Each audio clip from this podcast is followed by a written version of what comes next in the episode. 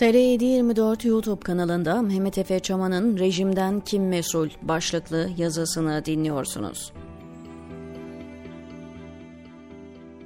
Erdoğan tek başına iktidara geldi. Fakat rejimi kurabilmek için yeterli değildi bu. Dahası ta en başından beri rejimi bu noktalara taşımak istiyor muydu? Doğrusu emin değilim. İsteseydi de bunu başaramazdı ve bunun bilincindeydi. Siyaseten var etmezlerdi onu eğer buna kalkırsaydı. Dolayısıyla 2002 ile 2023 arasında bir süreklilik mevcut değil. Başbakan olduğu ilk gün 2023'teki konumunu ve gücünü hayal etmemişti, edemezdi. Rasyonel aktör olduğunu varsayıyorum. Dolayısıyla 2002'den 2023'e 20 yıllık süreçte her şey bir plan dahilinde gerçekleşti demek mümkün değil. İstekler olabilir, tercihler olabilir, zafiyetler ve ihtiraslar olabilir, tesadüfler olabilir, reaksiyonlar olabilir ama bütünlük arz eden, hesaba kitaba dayanan tutarlı ve inatçı bir rasyonel plan yok.'' Bu rejimin kurulması da, konsolide olması da, kendisini sürekli yeniden üretmesi de salt Erdoğan'la açıklanamıyor. Sinsi bir plan yapan, yaşananların yegane sorumlusu, tüm fenalıkları indirgeyip onda vücutlaştırabileceğimiz bir figür değil Recep Tayyip Erdoğan. Erdoğan ve ekibinin bu rejimin ana taşıyıcı kolonlarından biri olduğu gerçeğini görmezden gelmiyorum bunları söylerken. Erdoğan ve AKP'nin ortaya çıkma koşulları olmasaydı bu tür bir rejimin oluşması da mümkün olmayabilirdi. Öyle ya Türkiye birçok karizmatik ve güçlü politikacı gördü.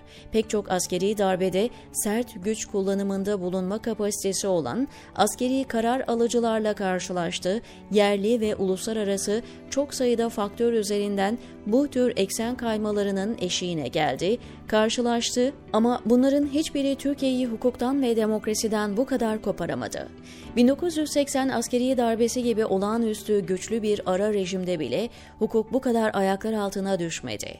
Dahası 12 Eylül'ün apoletlileri ellerindeki muazzam kudrete rağmen yargı üzerinden iktidarının devamını sağlayabilecek bir mekanizmayı inşa edemediler. Buna kalkışamadılar bile. Çünkü en zayıf anlarında dahi Türkiye'deki siyasi arenada güç dengeleri mevcuttu. Dahası seçmen ya da daha doğrusu vatandaş tepkisi dikkate alınmak zorundaydı. Aşırı bir güç yoğunlaşması haliyle mümkün değildi. Bazen her şeyin ters gittiği anlar meydana gelir.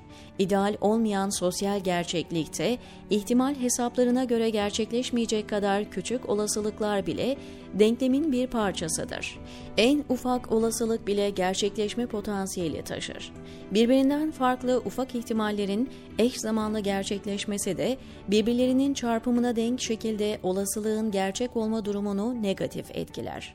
Erdoğan ve AKP'nin yanı sıra Avrasyacıların, MHP'nin çözüm sürecinde duyduğu ileri seviye rahatsızlığın, CHP'deki ulusalcıların AB ölçütlerini ve demokratik hukuk devleti yönündeki değişimleri benimsememesinin, 1980'lerden beri sistematik biçimde İslamcılaştırılan Türkiye sosyolojisinin ortaya çıkardığı sosyopolitik dinamiklerin kötü eğitim sisteminin AB rüzgarıyla bertaraf edilen askeri vesayet temelli denge ve kontrol mekanizmasının ve diğer birçok başka faktörün ortaya çıkan durumda rolü vardı.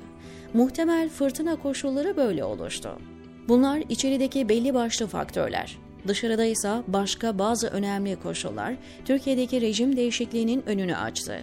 Özellikle Soğuk Savaş sonrası Türkiye'nin Avrupa güvenliğinde oynadığı rolde yaşanan dramatik önem azalması çok önemlidir. Bununla bağlantılı olarak Türkiye'de yaşanan kimlik ve aidiyet bunalımı yine önemli bir zemin hazırlayıcı oldu. Bu bağlamda Kürt sorunu Türkiye'yi kimlik bunalımına sürüklerken içeride coğrafi temellerde sivik bir yeni kimlik arayışından ziyade bilakis etnik, ırkçı, ittihatçı ve erken dönem Kemalist temellere başvuruldu. Sovyet ardılı Türkiye Cumhuriyetlerin Türk dünyası olarak lanse edilmesinden ve Adriyatik'ten Çin Seddi'ne bir aidiyet dünyasının sosyal olarak inşasından sonra Türkiye'nin ana yönelim sorunu bir tür kimliksel maceraya evrildi. Bu içeride Kürtleri daha da marjinalleştirdi ve ulus bilincine ulaşma sürecini hızlandırdı ve kolaylaştırdı.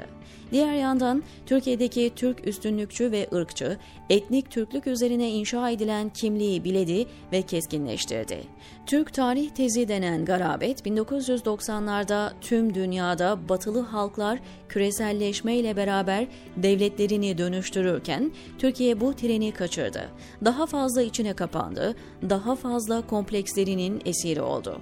İşin kötüsü bu ortamda son 30 yılda jenerasyonlar bu zehirle endoktrine edildiler. Dünyadan ve daha da kötüsü gerçeklikten kopuk, mental olarak sağlıklı olarak nitelenemeyecek kitlesel psikolojik patolojide bir toplum ortaya çıktı. Tüm bunlar Türkiye'yi seri adımlarla bugünkü sosyopolitik ortama yaklaştırıyordu. Diğer bir dış belirleyici yukarıda özetlediklerimle bağlantılı olarak AB'nin Türkiye'yi entegre etmemeye karar vermesiydi.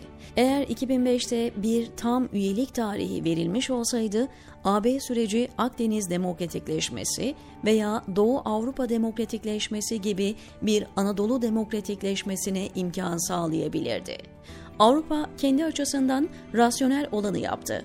Finansal, kültürel, jeopolitik, AB bütünleşmesini derinleşmekten yana pozisyon alan bu tercihle Türkiye yalnızlığa mahkum 2010'lara geldi. Arap Baharı üçüncü dış etki olarak kaçınılmaz sonu hızlandırdı.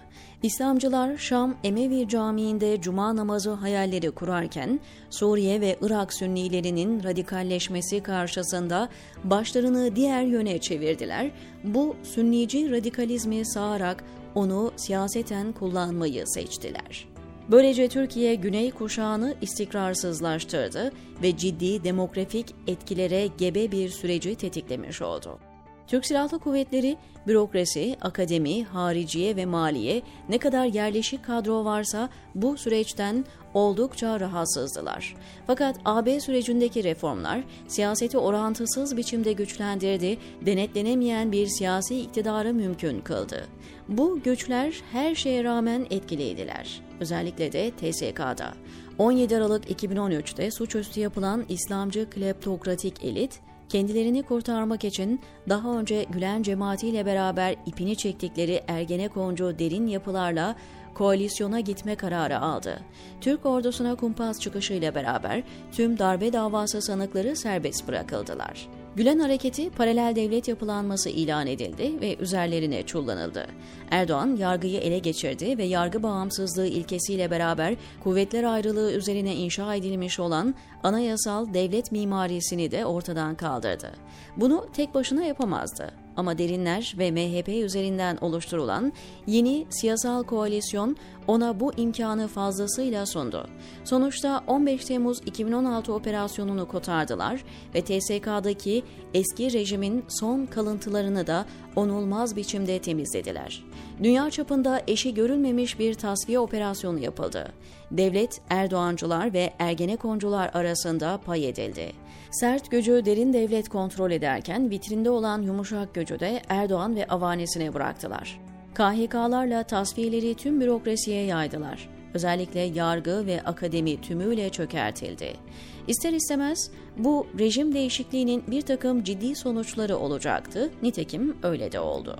İçeride otoriterleşen ve hukuktan, adaletten, insan haklarından kopan bir rejim oluşurken, dışarıda NATO, AB yönelimli dış politika yerini Rusya, İran, Çin yönelimli yeni bir dış politikaya terk etti. Türkiye'nin kurumsal ilişkileri formaliteye indirgenirken, fiiliyatta Türkiye'de dış politik anlamda tümden bir yön değişikliğiydi söz konusu olan. Bu sayede içeride de AB sürecinin hukuk ve demokrasi baskısı bertaraf edildi. Suriye macerasının sonucu olan 10 milyonlar Avrupa'ya akmak için Türkiye sınırlarına yığıldığında Erdoğan bir başka şantaj aracı bulmuş oldu.